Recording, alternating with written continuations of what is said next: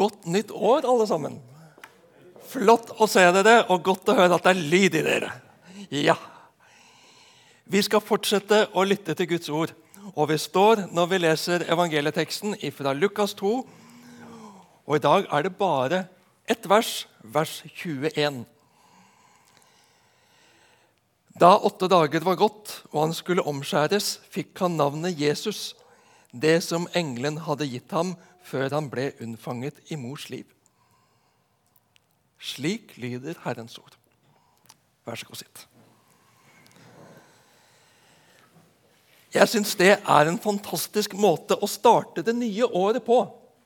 Navnet Jesus. Ikke at vi er så opptatt av navn sånn sett i vår kultur. Mange andre kulturer er mye mer opptatt av navn. Men navnet Jesus det betyr virkelig noe. Og Jesus er ham som vi ser opp til, han som vi vil ære og takke, følge, han som vi stoler på, bygger på, hviler i og hviler hos. Og I forberedelsene til denne talen i dag så kom jeg over Martin Luthers nyttårstale. Og jeg må ta med innledningen der, altså, for jeg syns den var fin. På denne dag pleier man å ønske nyttårsønsker fra predikestolene som om man ikke hadde noen nyttige og salige ting å predike om, og derfor måtte avhandle slike unyttige fabler i stedet for Guds ord. Men ved dette gjør man et alvorlig embete til narrespill og en komedie. Vårt evangelium krever av oss å predike om omskjærelsen og navnet Jesus. Det vil vi nå også gjøre. Ja, det vil vi gjøre, og mest det siste. Men la oss starte med omskjærelsen, for der starter evangelieteksten vår. Jesus ble omskåret på den åttende dagen. Det var lovens påbud, slik vi leser det i 3. Mosebok 12,3. Den åttende dagen skal forhuden til gutten skjæres bort. Det var paktstegnet i Abrahamspakten, den gamle pakt. Og Fra tid til annen så diskuteres det i vår tid om, en, om det bør bli et forbud mot omskjærelse av gutter, slik som det er for jenter. Det argumenteres med menneskerettigheter, og omskjærelse har blitt kalt en krenkelse av barnets fysiske integritet. Vi skal vokte oss for å forby ting som er fremmed og skremmende, og som ikke angår oss. Som kristne så skal vi heller hegne om trosfriheten. Friheten til å praktisere sin tro. Når det gjelder omskjærelse av gutter, handler det om vår tros opphav, nettopp fra Abrahamspakten, for hans folk. Og omskjærelse har vært praktisert i ulike kulturer i årtusener. Og det er ikke beviselig helseskadelig, Kanskje heller tvert imot, skal man tro enkelte kilder. Så er Det nye testamentet tydelig på at kristne ikke skal pålegges eller oppfordres til omskjærelse. Det hører den gamle pakt til. Det hører loven til. Omskjærelsestematikken var av de store diskusjonstemaer blant de første kristne, da det jo startet blant jødene. Men Paulus var veldig tydelig i Galaterne 5. Til frihet har Kristus frigjort oss. Stå derfor fast, og la dere ikke tvinge inn under slaveåk igjen. Hør hva jeg, Paulus, sier til dere. Hvis dere lar dere omskjære, vil ikke Kristus være til minste hjelp for dere. Jeg erklærer igjen, hver den som lar seg omskjære, er forpliktet til å holde hele loven. Dere som vil bli rettferdige ved loven, er skilt fra Kristus. Dere falt ut av nåden. Og I kapitlet før leser vi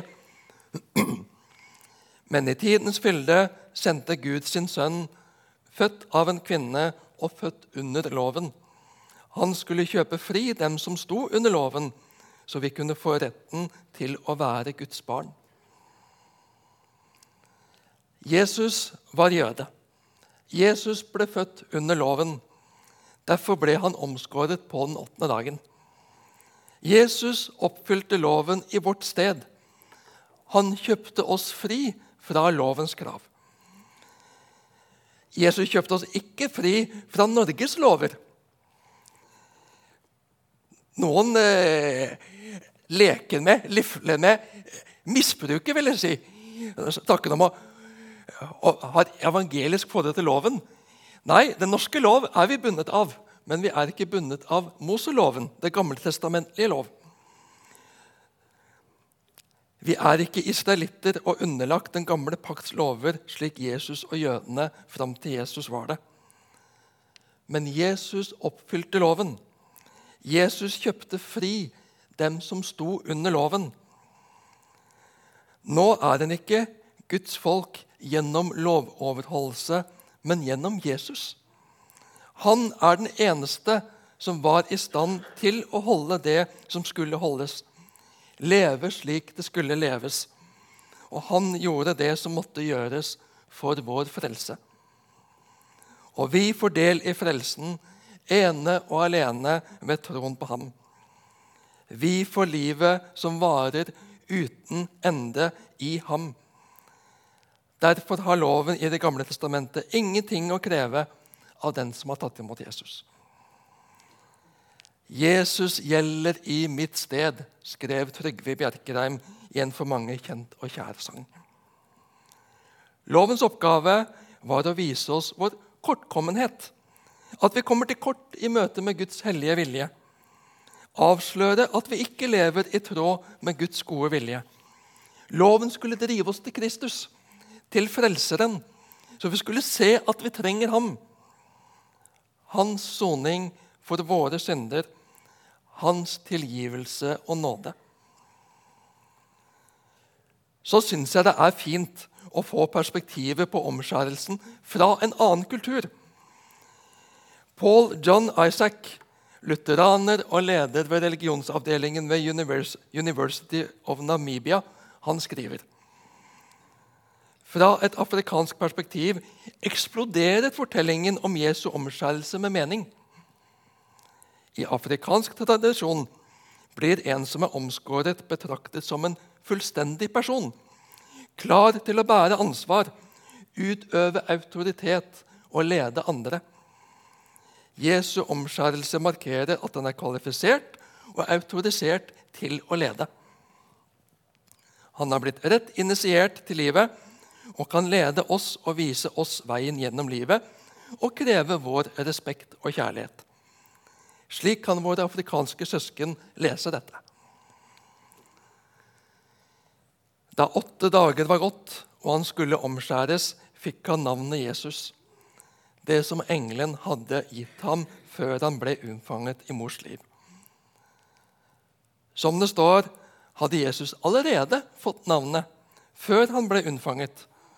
Både Maria og Josef hadde fått beskjed om at barnet skulle hete Jesus og i tro og lydighet ga de ham navnet slik de hadde fått beskjed om. De stolte på Guds sendebud.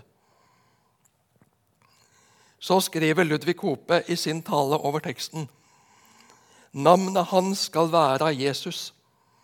Det er det enkle, men også det store ordet i teksta i dag. Med det navnet på tunga og med retten til å bære det i hjertet stiger vi over grensa inn i det nye år navnet Jesus. Det var et helt alminnelig, vanlig navn. Og i noen kulturer så er det det fortsatt i dag.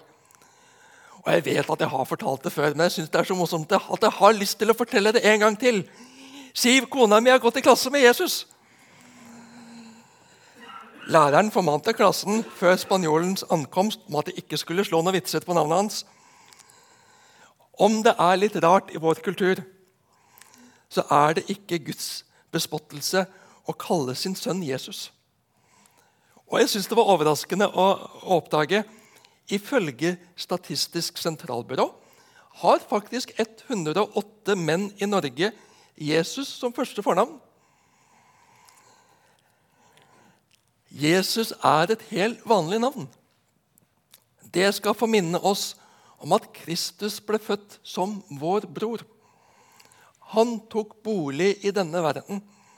Her ble han folkeregistrert som Josefs sønn. By Nasaret, fylke Galilea. Samtidig så er Jesus et helt usedvanlig navn. Det er ikke så ofte at Gud dikterer navn gjennom sine budbærere. Men nå, når det skjer, vil navnets betydning følge det som en hilsen fra Gud. For Maria og Josefs sønn var navnet mer enn en hilsen fra Gud. Navnet var et program. I navnet ligger Guds egne planer for barnet. På hebraisk utgjør Jesu navn nærmest en liten setning.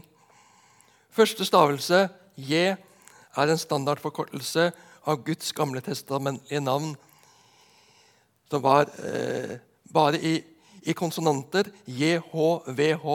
Dermed litt spekulasjoner på hvordan skulle dette uttales. Jave, Jehova. Det betyr i hvert fall 'han er', slik vi ser det i 2. Mosebok 3,14. Og andre stavelse, Shua, som betyr frelse. JHVH, Javé, Jehova. Gud er frelser.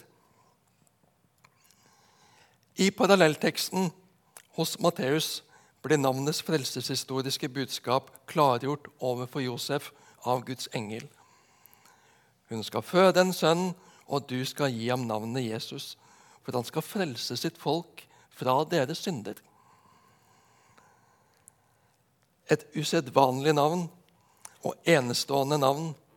Så enestående er det at vi senere kan lese om Jesus det finnes ikke frelse i noen annen. For under himmelen er det ikke gitt menneskene noe annet navn som vi kan bli frelst ved.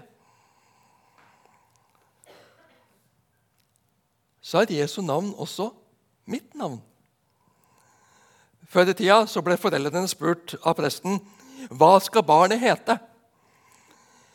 Så har vi rett som det er behov for i dag å tydeliggjøre at dåpen er ikke en navneseremoni. Dåpen er en sak mellom foreldrene og folkeregisteret. Alle barn har navn, har navn om de er døpt eller ikke. Men dåpen er på en måte en navneseremoni likevel. På dåpsdagen så fikk jeg et annet navn. Jeg ble, jeg ble døpt til Faderens og Sønnens og Den hellige ånds navn. Jeg står ikke aleine. Jeg skal slippe å klare meg sjøl. Jeg ble tatt inn i en større slekt enn min egen. Jeg ble Guds barn, og Jesu navn ble gravert inn i min sjel. Slik bindes Jesu navn og mitt navn sammen.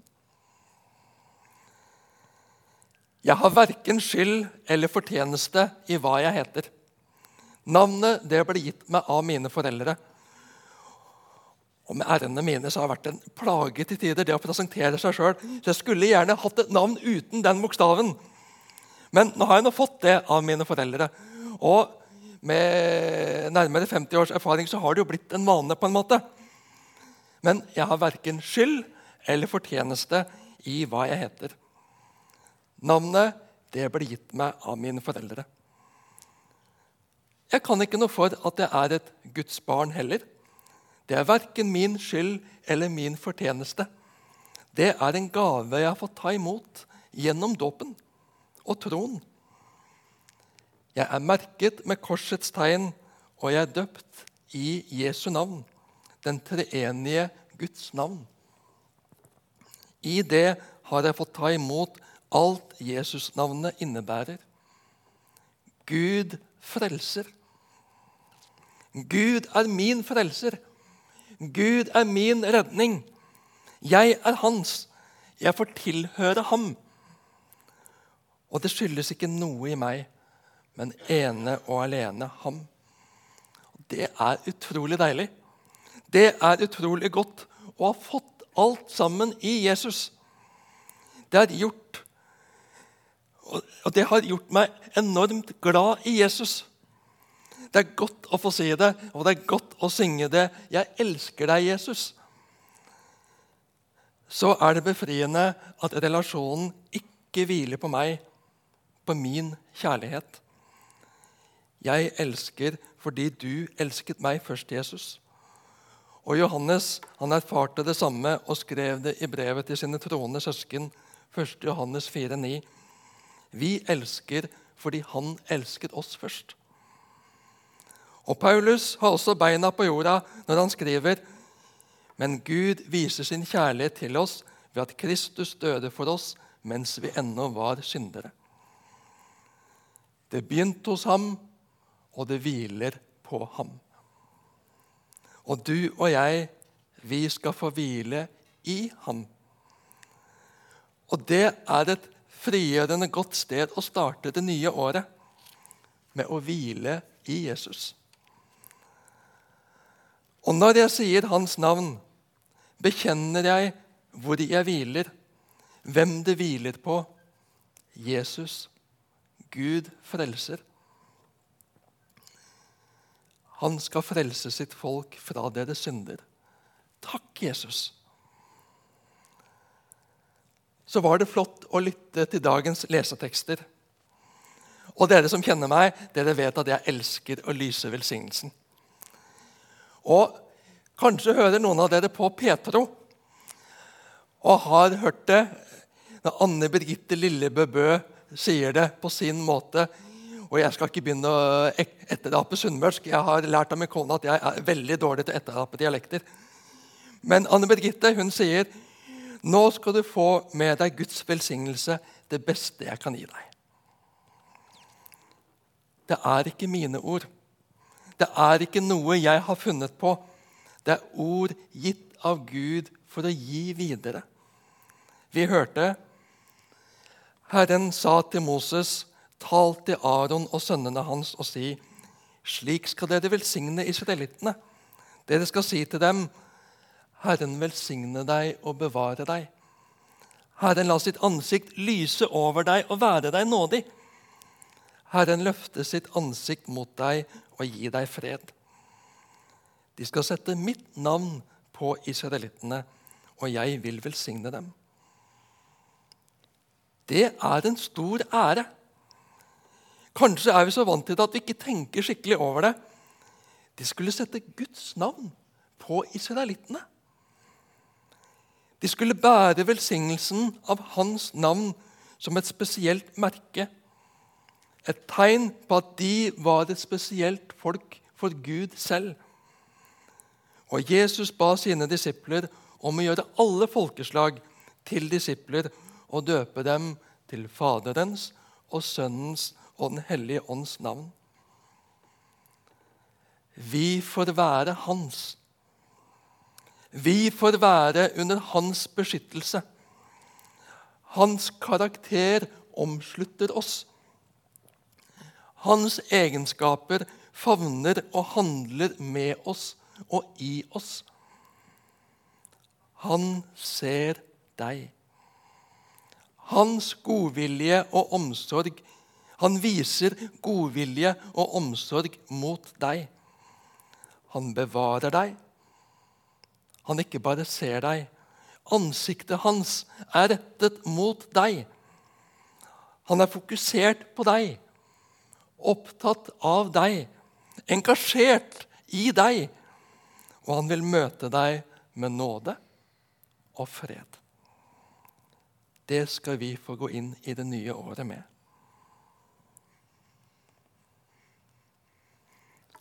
La samme sinnelag være i dere som også var i Kristus Jesus. Vær så snill å ikke høre det som et krav, men som en velsignelse. Ja, Jesus, jeg vil åpne opp for ditt virke, ditt sinnelag som skal prege og lede mitt sinnelag. Jeg ser opp til deg. Jeg vil ligne på deg. Jeg vil være som deg, Jesus storebror, mester, Herre. I sannhet og ordets beste forstand mitt store idol. Du og jeg skal få legge det nye året i hans hender. Vi skal få legge framtida, som vi ikke kjenner, i hans hender. Han er vår framtid, han er vår fortid, og framtid, vårt opphav og vårt mål, ja. I Jesu navn skal derfor hvert kne bøye seg, i himmelen, på jorden og under jorden, og hver tunge skal bekjenne at Jesus Kristus er Herre, til Gud Faders ære. Amen.